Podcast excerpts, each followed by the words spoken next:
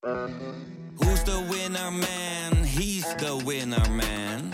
Is hij miljonair? Geen idee, maar nou en. Je hebt geen jackpot nodig to be a winner man. Oh oké, dat is wel lekker man. Wil jij genieten van de beste VI Pro artikelen, video's en podcasts? En wil jij nog meer inzichten krijgen rond al het voetbalnieuws? Word dan nu lid van VI Pro. Voor exclusieve podcasts, tactische analyses, interviews met spelers en financiële inzichten. Ga nu naar vi.nl slash zsmpro voor de scherpste aanbieding. Goedemorgen en welkom bij een nieuwe aflevering van VIZSM, de dagelijkse podcast van Voetbal International waarin we het laatste nieuws bespreken. Mijn naam is Jarno Fijn, ik zit aan tafel met hoofdredacteur Pieter Zwart. Pieter, het was nogal een weekend. We hebben eh, de Classico gezien, we hebben de derby van Manchester gezien en er was ook nog, nou ja, even PSV Ajax en vergeten gemakshalve misschien zelfs FC Twente Feyenoord. We hadden echt een Nederlandse topper, Twente Feyenoord. Ja. En we hadden de achtmaanwedstrijd uh, PSV Ajax. Nou inderdaad, ja, zullen we daar eens mee beginnen? Want, want Ajax eerste helft maakte op mij een goede indruk. En dan vooral Brian Brobby. Alleen is het dan gek om te zeggen dat een spits veel indruk maakt als je zoveel kansen mist? Dat is zeker gek. En volgens mij, uh, het Wiggins Maduro, die schetst het ook wel een beetje. Van, ja, je ziet dat hij voorwaarden heeft, dat hij iets fitter nu is dan vorig seizoen. En hij komt in de posities, wat voor een spits natuurlijk wel belangrijk is, dat je ja. in die kansrijke posities komt. Maar als je dan ziet ja, welk rendement hij eruit haalt. Kijk, uh, tweede minuut is al, Avila zet hem alleen voor de keeper, die bal gaat er niet in. Vijf minuten alleen voor de keeper, dan geeft hij een dramatische bal uh, in de richting uh, ja. van Bergwijn. Nou, dan heb je natuurlijk nog, uh, denk ik, 13e minuut dat Taylor daardoor komt uh, in de rug van Joey Veerman en breed legt. Dan schiet hij hem voor open doel, schiet hij hem uh, erover. En ja, hoe die uiteindelijk die bal wel binnenfrobbelt, ja, dat is ook niet super natuurlijk. Nee. Dat heeft hij wel alle geluk van de wereld dat die bal via Benitez dan alsnog binnenvliegt. Dus je ziet dat hij ja, in, het, in de afronding, in de afwerking, ja, dat hij een bepaalde ja, rust mist. Ik hoorde toevallig...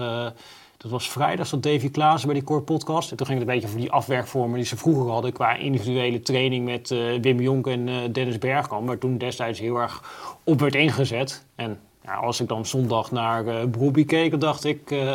ja, had voor hem niet zo kwaad gekund als wat jongens met hem bezig gaan. Ja. En ja, hem op dat vlak individueel gaan verbeteren. Net als ja, hij heeft wat meer inhoud gekregen, maar ook in druk zetten, dat soort dingen. Ja, het is wel duidelijk dat ja, het is, hij heeft een bepaalde potentie, maar dat komt er allemaal nog totaal niet uit. Uh, en nee. dat uh, ja, was deze wedstrijd ook weer. En ja, dat maakt voor Ajax wel het verschil tussen dat je die eerste helft, waar je heel veel creëert, dat je dan ook met een grote voorsprong gaat rusten. Ja, of nu 2-1. En dan en geef je toch zo'n tegenstander de gelegenheid uh, ja, om het om te draaien. Dat was denk ik zeven minuten na rust en uh, PSV had uh, alle zaken zo weer helemaal op orde. Ja, bizar. Want, want ja, dit, een podcast beginnen met een vreemde vraag, ik vind het vaak wel, wel prettig. Want nogmaals, dat, daar kom je dus automatisch in de, in de discussie. Helemaal eens. Heel slordig in de afwerking. Je zag ook de complete, ja, meer, meer van om, om de machteloosheid, laat maar zeggen, in zijn reactie naar het missen van de zoveelste kans. Toch, kijkend naar Ramaljo Boskagli, dan was hij wel continu de plaag in de diepte, korte diepteloopacties, lange diepteloopacties. Dus hij was wel heel dreigend. En, en dat was wel een kant die ik nou, de weken daarvoor veel minder gezien heb. In de bal altijd heel sterk, heel balvast. Maar dit aspect had ik nog niet zo gezien bij Robbie. Nee, dat klopt. En dat kwam er nu wel goed uit. En dat, was, uh, nou, dat legde dus ook allemaal uit. Dat in de beelden van tevoren was uitgelegd nou, waar, waar PSV pijn gedaan kon worden. En ik denk in die zin... Ja, het is ook net bij PSV... Dus bij PSV de eigenlijk een omgekeerd verhaal. Je zegt wel eens half een glas half vol of half leeg. Ja. Uh, maar het was in dit geval zeg maar één helft een bijna leeg glas. En in de andere helft een glas het ongeveer overliep. Uh, en dat was ja. ja uh, bij Ajax en PSV het geval. En als je dan op die, die eerste helft van PSV gaat bekijken. Je kijkt PSV dit seizoen onder weerstand. Ja, dan is het best wel weer zorgwekkend vanuit PSV-perspectief om te zien... Ja, hoe kwetsbaar die ploeg is. En dat je bepaalde onderdelen hebt. Dus je hebt inderdaad het centrum, Ramaljo, Boskakli. Ja. Die dus ja, met die ruimte in de rug toch wel heel erg kwetsbaar blijken. En de je middenvelders ziet, daarvoor ook. Ja, de middenvelders daarvoor, Joey Veerman, nou, dat heb je nu ook gezien. Daar werd Kenneth Taylor op gezegd van, ja, dende er af en toe maar overheen. Uh, en ook zak maar uit. En dan zie je dat, ja, die Veerman zat echt uh, te zwemmen. En ook aan de bal bracht hij niet de toegevoegde waarde die normaal gesproken uh, Veerman kan brengen. Dus dat was ook ja, eh, waanzinnig zwak. Eh, en je zag dat in het druk zetten dat ja, die buitenspelers gingen vaak heel snel door eh, naast eh, Luc de Jong. Ja, en dan moesten op een gegeven moment eh, die backs die kwamen te zwemmen in grote afstanden. Als je bijvoorbeeld die tweede goal van Ajax analyseert vanuit eh, PSV-perspectief. Ja. Daar gaat die bal achteruit naar Ramar. Ja, Bakayoko die is bij Hato gekomen. Avila staat daar vrij. Ik denk dat als eh, Jay Gorter op doel staat, dat hij hem naar Avila speelt. En daar was eigenlijk deze, die gokt erop, die is eigenlijk al onderweg richting eh, Avila. Van nou, dan ga ik daar eens lekker druk zetten. Ja. En die bal valt er overheen. Brobby wint één luchtduel. Het is 2 tegen 1 met Bergwijn en Brobby eh ten opzichte van Buskakli. Ja, dat, dat gaat veel te makkelijk als ja, je eigenlijk met één lange bal de volledige druk eh, van PSV eh, kan omzeilen. Dat is ja, vanuit PSV-perspectief. En ja, ze hebben nog steeds niet heel veel tegendoelpunten in de Eredivisie. Maar we hebben Had er natuurlijk ook- heel veel kunnen zijn, hè? Ja, in deze wedstrijd zeker. Je hebt ook in de Champions League ja, ook gezien van dat daar kwetsbaarheden eh, zitten. En in die zin is het ook raar, want dit is een ploeg die heeft tien wedstrijden gespeeld in de Eredivisie. Die hebben er tien gewonnen. Die staan zeven punten los nu van eh, Feyenoord. Maar als ik er naar kijk, gewoon met een analytische bril... dan heb ik niet het gevoel dat dit een ploeg is die in dit tempo doorgaat richting het eind van het seizoen. Ja, je hebben heel veel uit het rechte rijtje gehad, hè? Gisteren Ja. natuurlijk ook. Ajax zit inderdaad, ja, die staan onderaan het rechte rijtje nu eh, Ja. zelfs. Ja, dus ja, de, de tegenstander is inderdaad in de Eredivisie ja, nog niet top geweest. Ik denk dat je in de Eredivisie ook wel ziet dat ja, onder de top 4, top 5, dat daar, eh, ja, daaronder dat het kwaliteitsverschil dat dat, eh, gigantisch is. Eh, en in veel van die wedstrijden, nou, de PSV laten zien dat ze met een manier van druk zetten, dat ze resultaat kunnen boeken. Maar je ziet onder hogere weerstand, als tegenstanders er onderuit beginnen te spelen, ja, dat het heel erg kwetsbaar is, dat het heel erg broos is. Eh, ja, dit heb je nu ook weer gezien en wat Ajax er heeft gedaan. Ja, dan kunnen ook komende tegenstanders ja, kunnen dat weer gaan bekijken van PSV. En ja, daar moet denk ik toch ook nog wel ja, wat gebeuren. Wat een raar iets is om te zeggen nadat ze met 5-2 hebben gewonnen van Ajax. Eens. 10 wedstrijden gespeeld, 10 gewonnen. Maar Pieter, er eh, gebeurde na de rust ook iets. Want Bos greep in. Ja, dubbele wissel met eh Ismail Zabari en Stil die erin ik, ik vind het wel opvallend dat, dat twee middenvelders, twee nieuwe middenvelders, dat het verschil zo enorm groot is. Ja, maar dat is denk ik... Kijk, Ajax had natuurlijk PSV geanalyseerd. En een van de redenen dat ze dachten dat het kon om Branko van de Bomen op te stellen als eh spelbepaler was dat ze wisten, oh ja, ze spelen daar met Veerman, Schouten. Er zit niet heel veel loopvermogen in het middenveld, los van eh Tilman. Eh, dus dan kan het dat we op die manier spelen. En dan kan ook Taylor daar staan, want die kan juist over Veerman heen denderen. En Veerman gaat nooit over eh, Nee. heen denderen. Ja, en dan wat, wat voor de rust de kracht was van Ajax, namelijk Van de Bomen met die pases eh, en Taylor met die beweging, werd na de rust natuurlijk de kwetsbaarheid. Want Ja. Sarbari die kan wel mee met Taylor en die derde er wel overheen. En dat, dat zag je nu ook weer gebeuren. Dat begon Stijn natuurlijk ook iedere keer over. Dat zag je nu ook gewoon weer gebeuren. Dat, ja, ze, ze laten gewoon allemaal mannetjes lopen eh, en denken maar dat iemand anders het eh, oplost. Volgens mij bij twee van de goals loopt uh, Til weg uit de rug van, eh, van de bomen. Eh, bij Maar het heeft zoveel gevolgen op, het hele veld. Want je ziet ook ineens dat de buitenkanten heel makkelijk aan speelbaar eh, zijn bij PSV. En ook heel veel in de 1 op 1 komen. Dus Ja. daarmee kwam Ajax natuurlijk ook Nou ja, en ze in gingen net op een andere manier eh, druk zetten ook. Dus met Til naast de Jong, Ja. waardoor je eigenlijk met vier man die vier verdedigers vastzit. Waardoor Ajax ja, sneller eigenlijk gedwongen wordt ja, tot een lange bal. En niet meer tot een positiespel kwamen wat je de eerste helft een paar keer zag. En ja, die, die wedstrijd die kantelde door die wissels. En eigenlijk vooral de... Er wordt vaak tactisch gekeken, maar dat was denk ik met name ook de specifieke kwaliteiten die die spelers Ja, ja, vanuit die positie eh, brachten.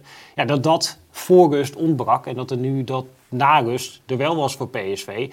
En toen was het eh, verschil tussen PSV en eh, Ajax in één keer eh, gigantisch. En dan is natuurlijk ook altijd, ja, hoe ga je er naar kijken? Zeg je, oké, eh, Bos heeft dat geweldig omgezet na rust. Je kunt ook zeggen, ja, ze zijn verkeerd eh, begonnen in de eerste helft tactisch overklas. Maar goed, ja, ik denk dat het hen allemaal weinig uitmaakt, want ze hebben alles nog gewonnen. Gigantisch gat geslagen in de Eredivisie. En ja, ze liggen nu in één keer op kampioenskoers. Ja, heel knap, heel knap. Ehm, toch nog even de vraag. Ehm Ajax staat laatste. Ja. We zagen een degradatiespook eh, in Eindhoven voorbij komen. Rafael van der Waard bij eh, Studio Voetbal maakt zich ernstig zorgen. Ja. Maakt zich echt zorgen om het feit dat het wel eens zou kunnen gebeuren. Ja, ze zijn ik natuurlijk wil- van niveau eh, Excelsior Volendam, Jarno. Dat Ja, hebben we allemaal kunnen zien in de eerste helft dat het Excelsior Volendam niveau was. Absoluut, ja, absoluut. Maar ik moet het toch aan jou vragen, Pieter. Jij als meestervoorspeller moet eigenlijk zich zorgen maken. Ja, zorgen maken, dat lijkt me wel als je 18e Over staat eh, in de Eredivisie. Maar over degradatie, nee. Ik denk dat je in de eerste helft hebt kunnen zien dat er genoeg kwaliteiten in Ja. dit eh, elftal zitten. Dat ze gewoon goed kunnen voetballen. En dat daar ja, individueel best goede spelers in staan. Het is alleen, dat zie je nu ook weer gebeuren, het is nog geen team.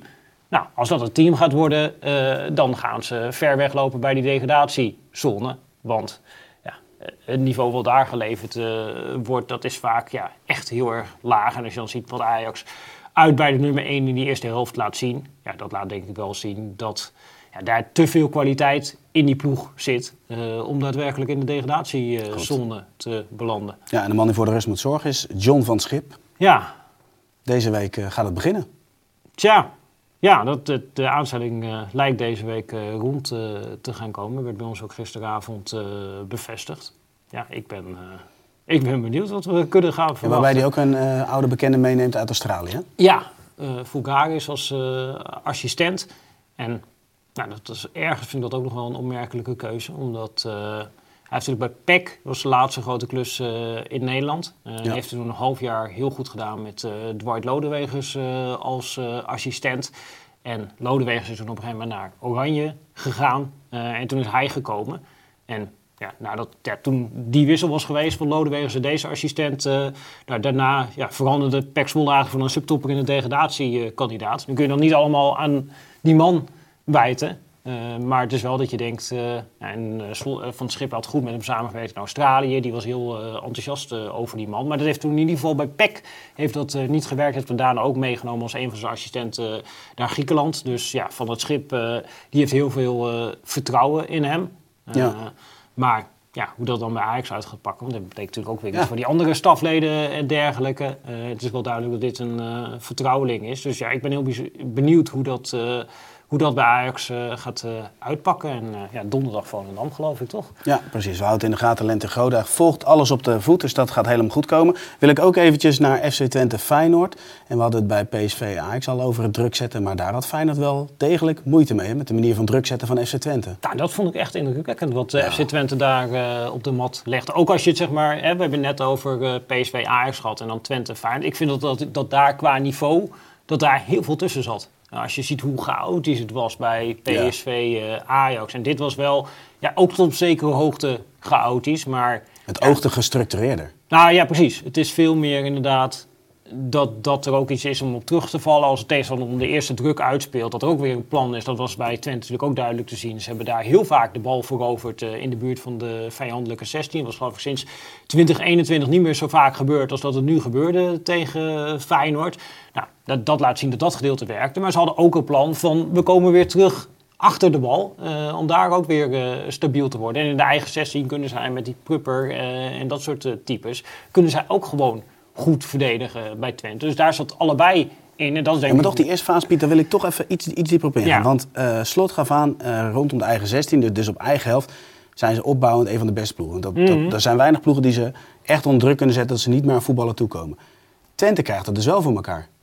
Om Feyenoord onder druk te zetten. Maar dat Ja. zegt wel iets in die fase. Nou, dat zegt zeker iets. En eh, nou, dat zegt denk ik ook iets over Oosting, die denk ik heel goed Feyenoord geanalyseerd had.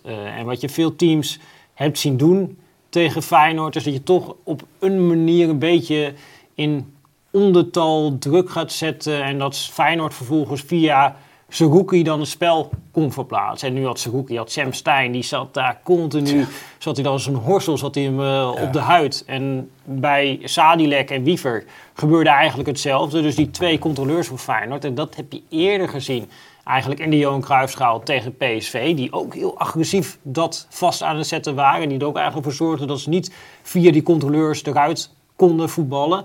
Ja, en dan zie je dat het voor Feyenoord best wel moeilijk is om.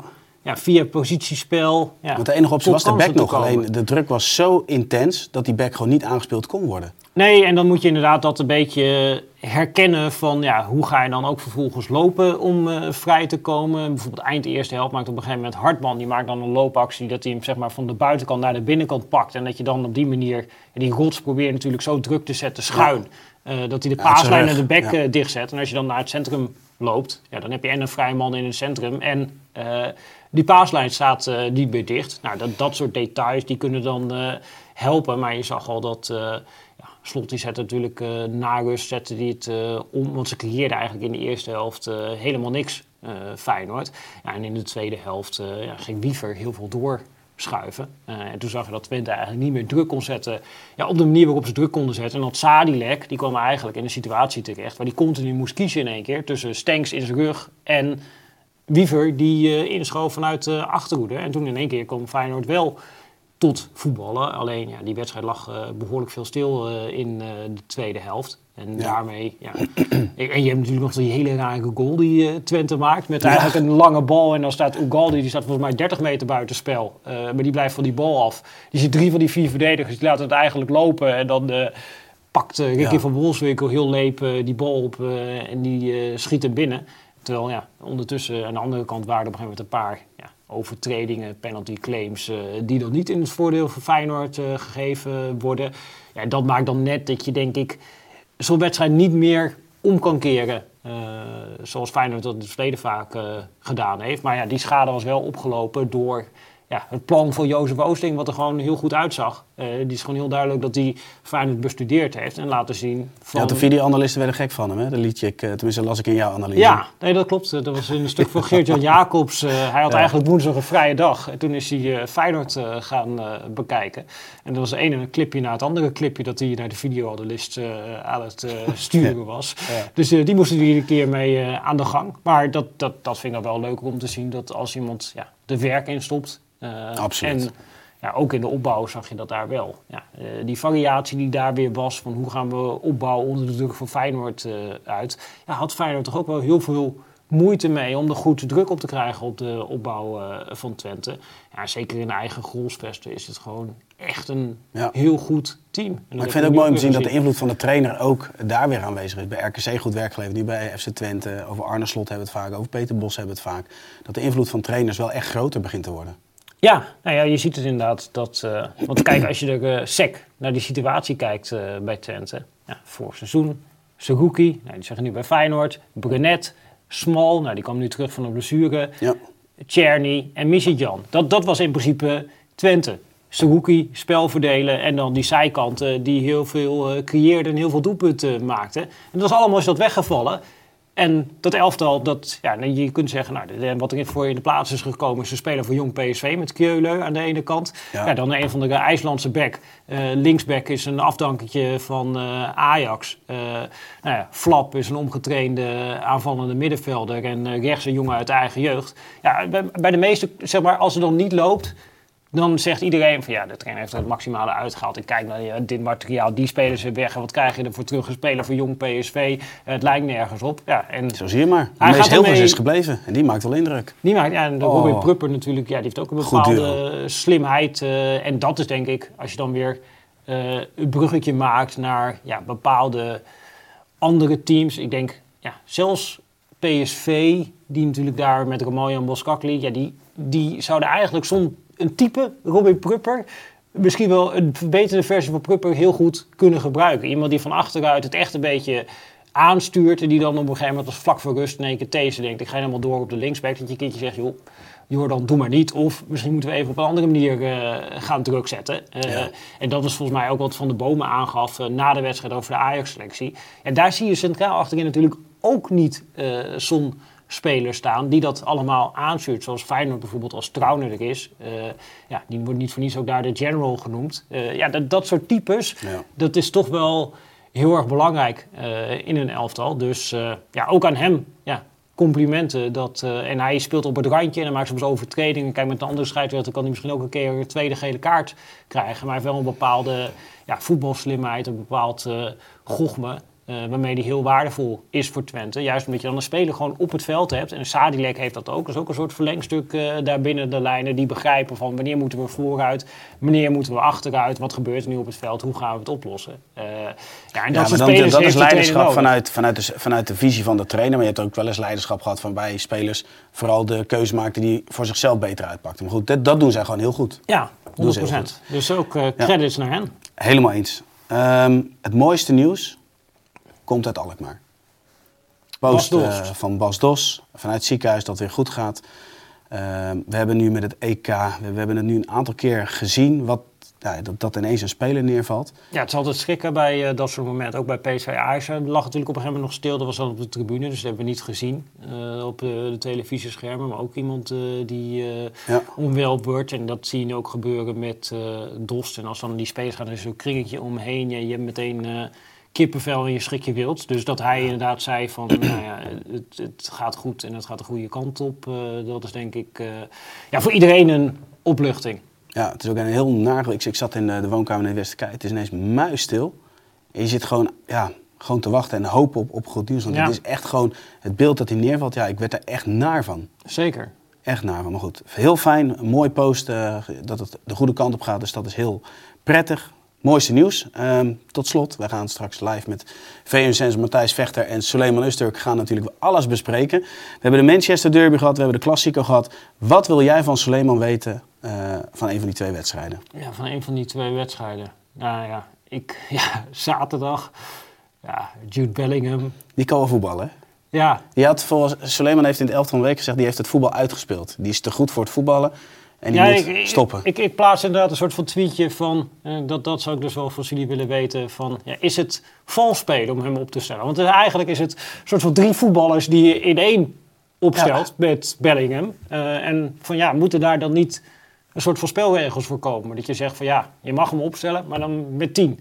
Weet je wel, dat je even eh, daar dan toch eh paal en perk ja, het is alsof je, aan, eh, eh, je hebt een extra joker in je, in je, je kaart of zo. Ja, precies. Want het is een middenvelder, er is een spits, het is, eh, Ja. ja. het is van alles is het eh, tegelijkertijd. Eh, dus dat, dat ja, eh, was wat me daar eh, erg eh, opviel. Ja, en bij de Manchester Derby, ja, dan eh, zou je misschien de vraag eh, willen stellen van, ja, krijgt Erik ten Hag dit nog eh, gekanteld?